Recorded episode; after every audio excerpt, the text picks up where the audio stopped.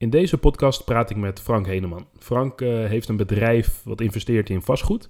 In deze podcast hebben we dan ook veel over vastgoed en over beleggen. We hebben het ook nog even over de huizenmarkt in Amsterdam. Wil je hier dus uh, meer over weten, dan is dit de juiste podcast voor jou.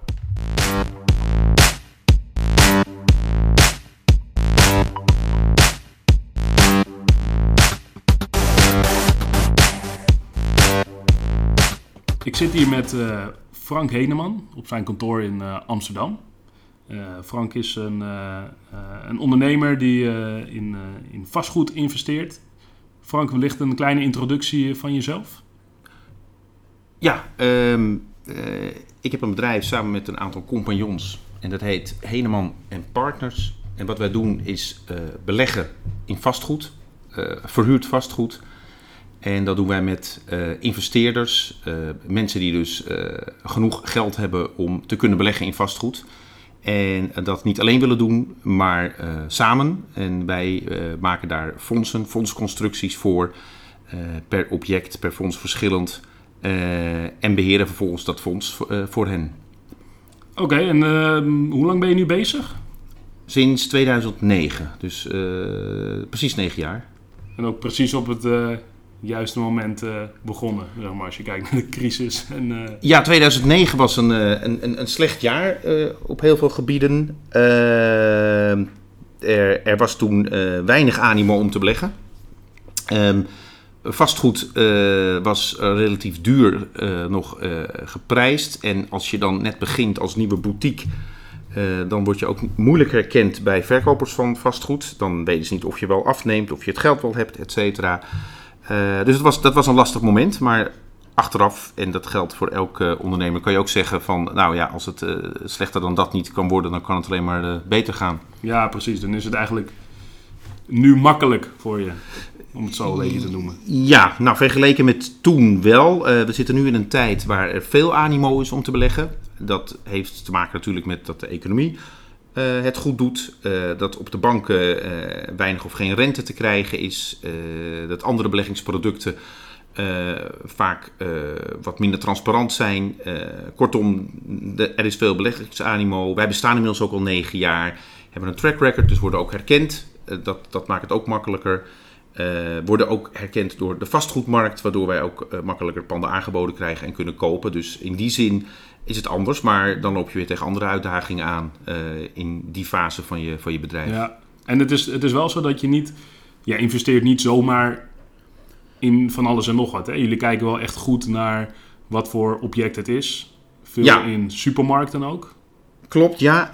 Um, het begint uh, bij ons uh, met een risicoprofiel. Um, dat heeft natuurlijk ook te maken met wat je beleggers willen. Uh, onze beleggers en wij zelf ook, die ook mee investeren, uh, willen beleggen in uh, vastgoedproducten die een zo laag mogelijk risicoprofiel hebben. er zijn heel veel risico's te, te, noemen bij vastgoed, maar om twee belangrijke te noemen, kan de huur wel betaald blijven worden door de zittende huurder. Als die zittende huurder weggaat, vind je dan makkelijk weer een ander die minimaal hetzelfde betaalt.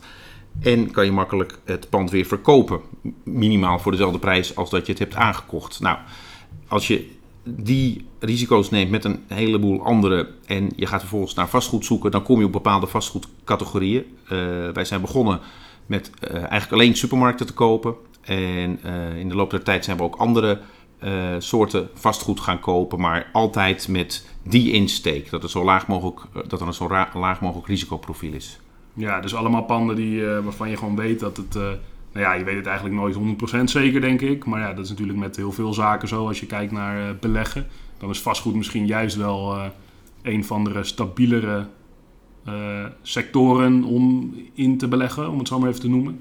Dus dan zijn echt puur objecten die, ja, die daar goed voor staan. Of is het ook zo dat je bijvoorbeeld in bepaalde de huizenmarkt bijvoorbeeld. Investeren jullie daar ook in? Of is dat... wij, wij hebben wel wat, wat woningbeleggingen, maar dat was dan meer omdat de woningen bijvoorbeeld boven een, uh, een restaurant of een winkel uh, lagen. Oh ja. Waardoor we ze in bezit hebben. Uh, wij vinden het ook helemaal geen vervelend bezit, maar specifiek in woningen gaan beleggen is, is toch een, een, een ander vak. het is beheersmatig ook heel intensief. Daar hebben wij de organisatie niet voor, willen we ook niet. Het is ook heel specialistisch. Ehm, je bent ook niet met business to business bezig. Je verhuurt aan uh, particulieren, aan mensen uh, waar veel emotie bij kan komen, waar een, een, heleboel nadelen bij kunnen zitten. Vandaar dat wij bewust hebben gekozen niet specifiek in woningen te gaan beleggen. Ehm, maar in ieder geval in supermarkten. En daar gaan we ook niet over de één nacht ijs. wij doen altijd een vestigingsplaatsonderzoek, heel uitgebreid. Hoeveel concurrentie is er in de buurt voor die supermarkt? Ehm, heeft de gemeente nog ontwikkelingen? Komt er nog een nieuw pand bij? Uh, wat is de omzet? Wat is de verwachte omzet? Wat voor omzet kan je daar maken?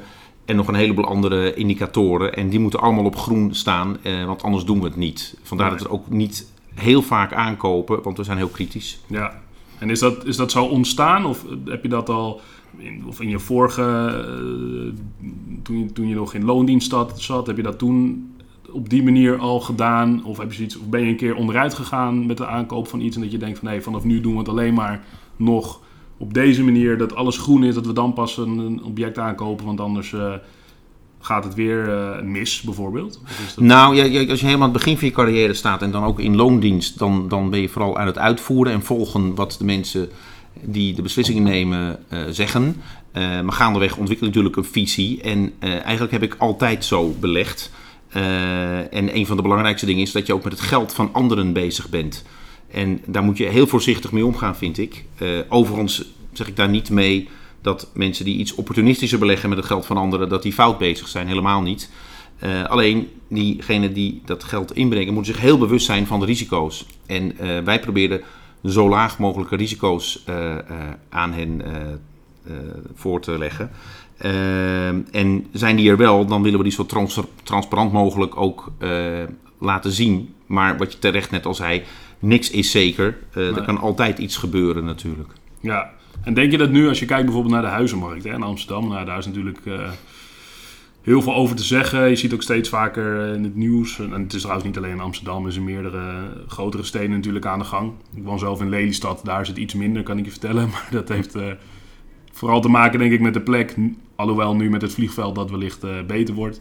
Um, denk jij dat, dat, hoor je vaak die discussie, dat die huizenmarkt op een gegeven moment weer uit elkaar kan klappen op een of andere manier? Nou ja, de, de huizenmarkt heeft vooral te maken met uh, de vraag naar huizen.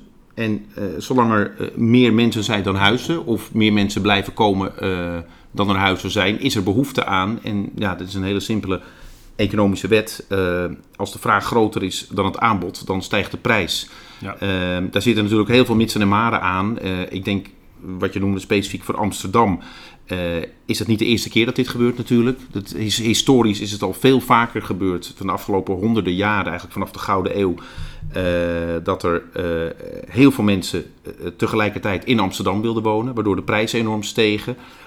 die zijn eigenlijk ook nooit gedaald. Uh, dat hangt er wel vanaf hoe je dat benadert met, met, met indexen of niet. Hè. De, de bekende Herengracht-index is natuurlijk één steile lijn naar boven. Uh, maar dat heeft ook allemaal te maken met schaarste. Uh, omdat er verder geen nieuwe woningen bij kwamen, of eigenlijk te weinig, en mensen wel die stad in willen, gaat de prijs dus omhoog. En uh, we leven nu wel in een, bijzonder tijdperk, denk ik. Want Amsterdam lag ten opzichte van andere Europese hoofdsteden uh, nogal achter qua, qua prijs, qua huurprijzen, qua koopprijzen. En je ziet dat daar nu een soort inhaalslag bezig is, omdat er uh, voor het eerst in tientallen jaren, misschien wel honderd jaar, een, een, internationale interesse is vanuit uh, uh, richting Amsterdam om daar te gaan wonen. Ja. En dat heeft natuurlijk ook met uh, Brexit, ja, nee te maken, maar ook bedrijven die hier gaan zitten en toerisme natuurlijk wat hier komt. buitenlandse bedrijven die zich hier vestigen, waardoor een ander soort woonconsument hier ook komt. Vaak uh, gefinancierd ook door de bedrijven die diegene werkt, waardoor er meer geld beschikbaar is. Ja. En, en als je het hebt inderdaad over uh, de rest van Nederland, want ik denk dat je het zo langzamerhand wel zo moet benaderen, Amsterdam en de rest van Nederland. Uh, dan hangt het er natuurlijk van af wat er specifiek bij die plaats aan de hand is. Lelystad komt dan een, een vliegveld. Uh, zeer waarschijnlijk op een bepaald formaat, et cetera. En dat trekt ook weer ja. bedrijven aan en werkgelegenheid. Ja, dus er zijn allemaal omstandigheden die het eigenlijk uh, maken totdat het nu is. En als we even teruggaan hè, naar 2009, uh, eh, toen ben je begonnen. Ik weet, ik ken je natuurlijk al wat langer en, en ik weet dat je ook daarvoor eigenlijk wel een goede baan had. Ehm, en ik spreek natuurlijk best veel ondernemers, ook, ook wat meer vrij jongere ondernemers. Ik ben natuurlijk zelf ook nog vrij jong. En voor ons was het, of is het, een stuk makkelijker om dat te doen. Want we hebben nog niet een hele goede baan, nog geen carrière gemaakt, nog geen huis gekocht, bijvoorbeeld. Dat soort zaken die allemaal meespelen. Maar jij hebt toch die stap genomen om eigenlijk vanuit het uh, wat comfortabel is op dat moment te stoppen en toch je eigen zaak te openen. Um, kan je daar wat meer over vertellen? Is dat iets wat je, wat je bijvoorbeeld al langere tijd uh, wil? Kom je uit een ondernemersfamilie? Of uh, was je de, het zijn in loondienst gewoon helemaal zat? Uh, nou, ik, ik, eigenlijk na de afronding van mijn studie in 1990 wilde ik meteen al ondernemer worden. Uh, maar uh, dat was niet zo'n een goede tijd daarvoor. En dan ga je verschillende banen proberen. En toen heeft het altijd wel in me gezeten om ondernemer te worden. Maar heel simpel gezegd was ik altijd te bang om het te doen. De zekerheid, de quasi-zekerheid van een baan die je dan kwijt bent. Um, en ik ben wel altijd, heb altijd geprobeerd in loondienst een soort ondernemer in loondienst te zijn. Hè, met je eigen tokootje en ook omzetgedreven uh, voor dat bedrijf waar je dan werkt. Ja, tot op een gegeven moment dat moment komt. Ik, ik, ik was net onder de 40 dat je zegt, nou, it's now or never. Uh, ja. uh, je, je, ik ging weg bij mijn vorige werkgever Aberdeen. Uh, en ja, dan kan je ook weer gaan zoeken naar een baan. of je gaat dat gewoon proberen. En dat heb ik toen gedaan. en dat komt eigenlijk omdat ja, dat ondernemerschap, dat, dat is een staat van zijn. Dat is een gevoel. Je wil onafhankelijk zijn. Je wil vrij zijn. Je wil je eigen beslissingen kunnen nemen. Uiteindelijk heb je natuurlijk ook klanten en in die end ook weer partners waar je rekening mee moet houden. Maar het is toch heel anders dan dat je voor een bedrijf werkt uh, uh, waar je een contract mee hebt en op basis van zoveel uren een bedrag krijgt. Uh, het is van jouzelf. Je maakt iets, iets, iets verbeterd. Het, het is je kindje. En dat, uh, ja, dat moet in je zitten. Ja. Uh, en, en, je hebt ook ondernemers die dat noodgedwongen gaan doen. Hè, bijvoorbeeld ook in crisistijden. Uh, en inmiddels nog steeds doen. Nou, kennelijk waren ze het dan toch wel. Ja. maar als je in hele goede tijden ondernemer wordt... dan is het maar de vraag of je dat in slechte tijden ook nog steeds kan en wil zijn met name. Ja, zeker. Dat is wel een belangrijk punt. Want ja, er, zijn, er zijn leukere dingen aan het ondernemen... en er zijn ook minder leuke dingen ondernemen. Dat betekent niet dat je die dingen dan niet doet... Weet je, ik heb het uh, zelf ervaren met, uh, met het doen van sales bijvoorbeeld. Ik was helemaal geen salespersoon. Koud bellen vond ik uh, eng. Maar ja, op een gegeven moment moet je dat gewoon doen, want anders kom je geen stap verder. Dus weet je, er zijn altijd een aantal aspecten die je toch zou moeten doen als ondernemer om te zorgen dat je bedrijf groeit. Um, maar het is vooral bij jou inderdaad een stap geweest van hé, hey, ik ga het nu gewoon, het is now never Anders, wordt, uh, anders zit ik te vastgeroest of zo. Dan gaat het me nooit meer lukken. Of dan, dan weet je, met kinderen en alles erbij is dat, uh, is dat niet meer te doen. Dus dan, dan maak je die keuze gewoon en dan duik je in het diepe en dan ga je er gewoon voor. Dat ja, en dan, dan is het een kwestie van volharden. Dat is denk ik het, wel het, het werkwoord wat het best, zeker op zo'n beginperiode, slaat. Als je aan het begin geen omzet hebt, maar bijvoorbeeld toch een kantoor moet hebben. En misschien zelfs al personeel, omdat je anders uh, dat werk, die business niet kan doen. Ja, dat betekent het feitelijk dat er niet uh, omzet uh, uit de zaak komt waar dan iets van naar jou thuis gaat. Nee, het is andersom. Jij moet vanuit jouw geld ook geld in de zaak stoppen. Dus je krijgt sowieso geen loon, maar je moet ook nog eens geld in die zaak stoppen om bijvoorbeeld de huur van het kantoor te betalen. Ja. En je moet door blijven gaan, ook al zegt iedereen dat het kansloos is. Als jij erin gelooft, moet je doorgaan. Dat, dat is dat volharden.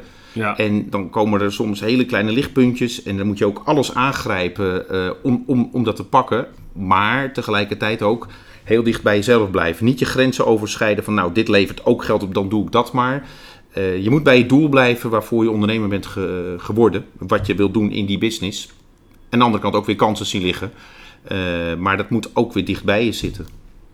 Ja, ja, precies. Want anders hou je het ook simpelweg niet vol, denk ik. Het is nee, want, nee, dan wordt het alleen maar overleven. En, en uh, je gaat ondernemen om, omdat je dat bent. En omdat je het leuk vindt en prettig vindt. Ja, ja.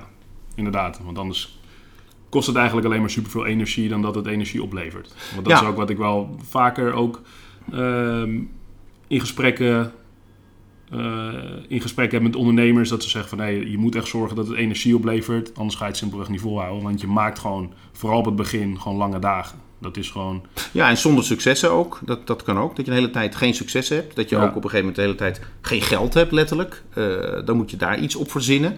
Eh, want je wil doorgaan. En dan moet je goed kijken waar die horizon ligt. Wanneer er wel geld zou gaan kunnen komen. Eh, en dat alles voor dat grotere doel dat je op een gegeven moment ervan kan leven. En misschien eh, daarna nog verder groeien en je bedrijf groter maken. Ja. Want had jij ooit ook bedacht van hey, wat nou als het niet lukt? Of heb jij zoiets van nee, ik ga niet eens eh, nadenken over een plan B, zeg maar, als het niet lukt, want dan weet ik eigenlijk al zeker dat het niet lukt. Dat hoor je vaak ook. Nou, ik denk dat laatste wat je zegt, dat, dat ik inderdaad zo in zat. Ik ben ook, ook niet iemand die zegt, ik geef mezelf een jaar of iets dergelijks en dan ga ik het proberen. En dan ga ik weer in loondienst. Eh, persoonlijk, ik zit zo in elkaar, om, je, je gaat er gewoon volledig voor. En je moet natuurlijk wel enigszins realistisch blijven. Dus je hebt wel ergens je achterhoofd... Hè, van, van als, je, als je op een gegeven moment ziet dat het te lang niet lukt... en dat je bijvoorbeeld ook eh, je huisvesting niet meer kan betalen, et cetera, et cetera... Eh, ja, dan moet je op een gegeven moment eh, wel iets anders gaan doen. Bijvoorbeeld een baan zoeken.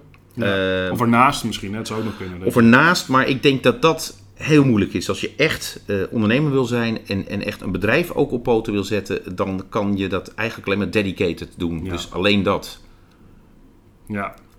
ja, want dat gaat ook ten koste dan natuurlijk van het bedrijf wat je opzet. Als je Ja, wel ja. nog s'avonds eh in de kroeg gaat staan, achter de bar bijvoorbeeld, tot... eh, Ja, het kan. Sommige mensen doen dat. Dat, dat, dat is natuurlijk ook voor, daarom zeg ik net persoonlijk, dat is voor iedereen anders. Maar ik denk optimaal is het als je er gewoon volledig voor gaat en eh, al je energie en al je aandacht daar naartoe gaat.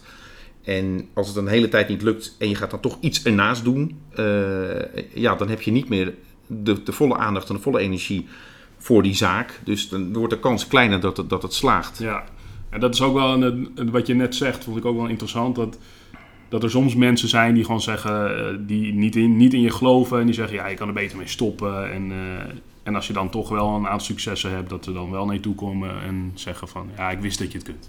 Ja, Dat is heel bekend. Of, of eh, van, god, kan ik niet bij je komen? Kunnen we niet samen iets doen? Oh, ja. Kan ik partner worden bij je?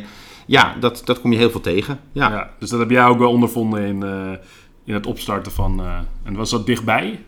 Is Eh. dat bijvoorbeeld... Ik weet niet of je daar op in wil gaan hoor, maar is dat bijvoorbeeld familie of zijn dat vrienden? Of, ja, nee, nee, niet zo dichtbij. Meer, meer binnen je, je, net, je, je zakelijke netwerk. Ja, precies. En, en, ja. en dan... dan eh, Misgunnen misschien een beetje. Ja, wat je, wat je eh, heel snel ziet als je eerst eh, hoog in de boom bij een groot bedrijf zit. En dan ben je een belangrijk iemand en dan wil iedereen zaken met je doen.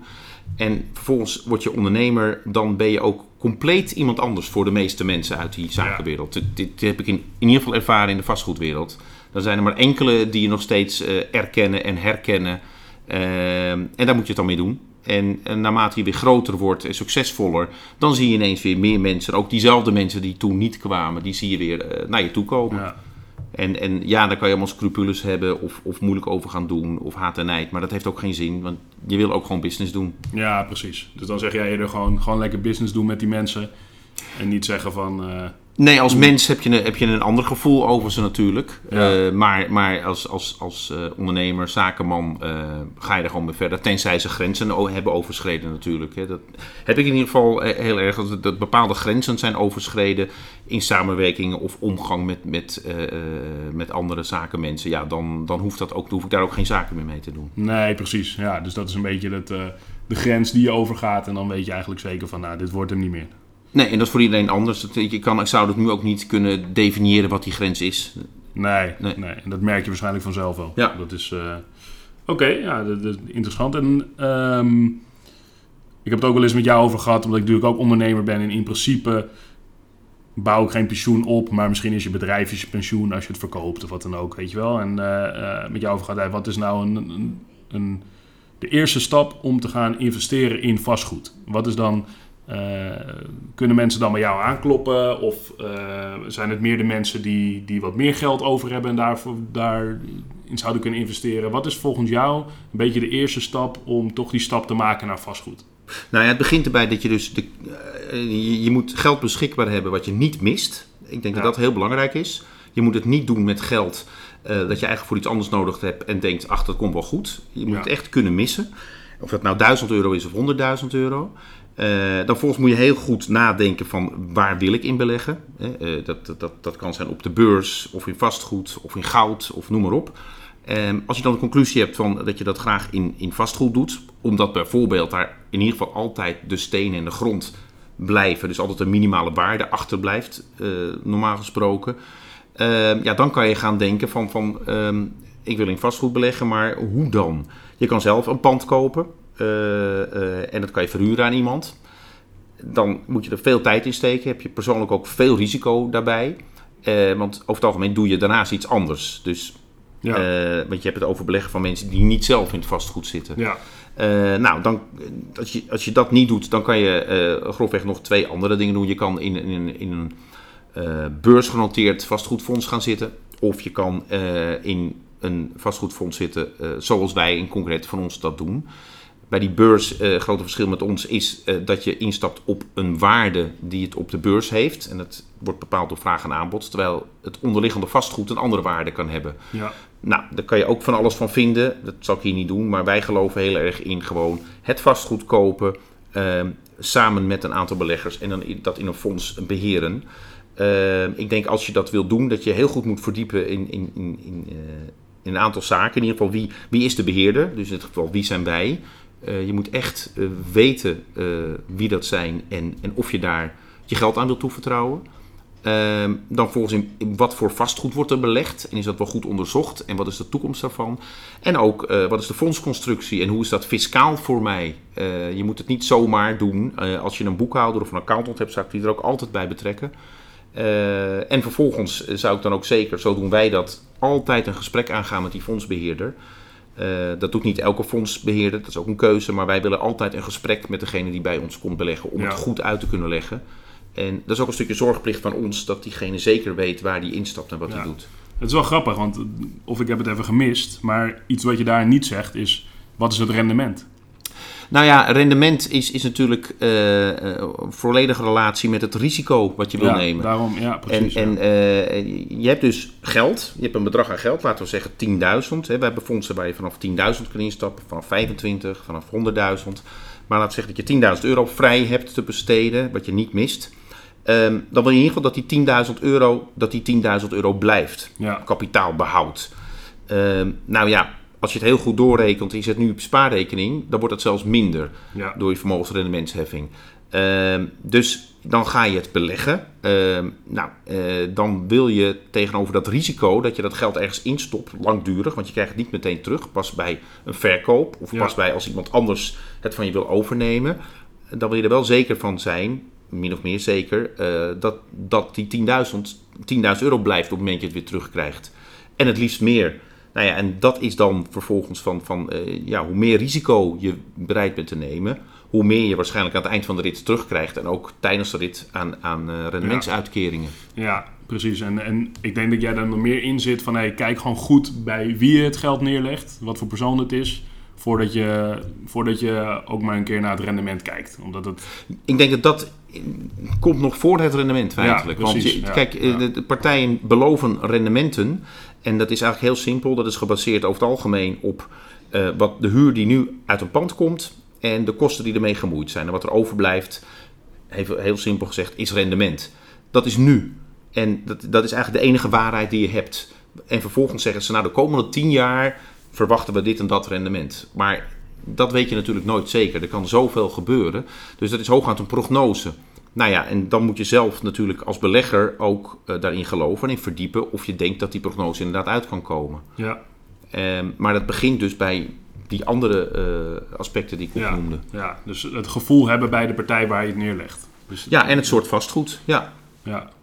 Ja, en daar moet je je dan wel in, in, in laten adviseren op een of andere manier. En dat kan natuurlijk ook met verschillende partijen. Van, van ja, wat is dat dan? En wat dat lijkt me wel verstandig. Kijk, het kan natuurlijk wel zo zijn dat, dat, dat je zelf bijvoorbeeld wel uh, uh, verstand van financiën of uh, je bent bouwkundige, je hebt dus verstand van of dat pand goed gebouwd is. Ja. Dat, dat kan. Iedereen heeft wel van een aspect in het vastgoed verstand. Ja. maar ik denk dat het wel heel verstandig is, zeker fiscaal, om je te laten adviseren. Ja, ja. ja. Oké, okay, ja, dat zijn waardevolle tips, denk ik, voor, als, voor iemand die, die wil beginnen met het investeren in vastgoed. En dat kan dus al van een... Ja, ik denk dat veel mensen toch denken van... Als ik moet beginnen met vastgoed, dan moet ik dus een eh, huis kopen, of een appartement kopen en die verhuren. Ik denk dat dat heel erg het beeld is wat, wat mensen hebben als je wil investeren in vastgoed. Terwijl dat dus eh, ook op andere manieren juist eh, heel goed Ja. kan. Nou ja, je, feitelijk besteed je het uit. Hè? En je kan natuurlijk ook dan grotere panden kopen voor die, die, die, waar hogere bedragen mee gemoeid zijn. Door het via een fonds te doen. Ja, Alleen kan je dat niet kopen. Nee. eh, maar met anderen erbij en een fondsbeheerder die dat dan regelt voor je, kan dat wel. En dan is het natuurlijk zo dat die fondsbeheerder ook geld krijgt, hè, een beheerfee. Dus dat gaat eraf. Maar uiteindelijk gaat het natuurlijk om van wat krijg je terug en ben je daar tevreden mee Ja. ten opzichte van het risico dat je loopt. ja. Ja, precies. En je hoort veel mensen ook praten van... Oké, als, ik moet- als ik ga beleggen, dan... eh, of als je gaat beleggen, dan moet je spreiden. Ja, nou ja, dat, dat is ook iets. Ehm, ehm, als je op, op één locatie één pand koopt ehm, of, of in investeert via een fonds bijvoorbeeld, eh, dan is dat een risico, hè? een locatierisico zoals dat dan heet. Want er kan iets met die locatie gebeuren. Dus je kan dan bijvoorbeeld in meerdere fondsen eh, stappen of in een fonds die meerdere panden heeft. Dan, dan is dat locatierisico in ieder geval wat meer afgedekt. Ehm, en dat geldt natuurlijk ook voor soorten beleggingen. Hè. Dat is dan, je kan alles in vastgoed doen, maar je kan ook zeggen ik doe een deel op de beurs en een Ja, deel in, ja, in andere Ja. asset classes. Ja, ja. Oké, en als je kijkt- terugkijkt hè, op het ondernemerschap en eh, je bedrijf, wat is nou de nummer één tip, ja, je kan de tip noemen, of advies die jij een, een beginnende ondernemer zou meegeven? Ehm, ik geloof in jezelf en geloof Ja. in je idee. En, en laat je niks wijsmaken door anderen. Maar luister wel zoveel mogelijk om je heen. En luister naar adviseurs. En neem het allemaal mee. Maar ga dan weer terug naar jezelf. En wat jij denkt dat je kan. En, en het idee of het doel dat je hebt. En, en, eh, en blijf daarin in volharden. Ehm, ga vooral van jezelf ook uit. Reken ook zeker niet op anderen. Nee. Natuurlijk moet je wel proberen samen te werken met anderen, want al- alleen kom je niet heel ver. Maar reken er niet op en, en eh, eh, ga vooral van jezelf uit. Ja. Ja. Nou, top. Ik zou zeggen, bedankt voor je tijd. Ik denk dat we een aantal waardevolle tips hebben gegeven op het gebied van eh, vastgoed en het beleggen. En eh, dat het best wel interessant is hoe jij eh, ja, vanaf 2009 al bezig bent met het groeien van, eh, van je bedrijf. Vooral nou, wat je daarvoor eigenlijk allemaal gedaan hebt. Dus eh, nou, bedankt voor je tijd. Graag gedaan.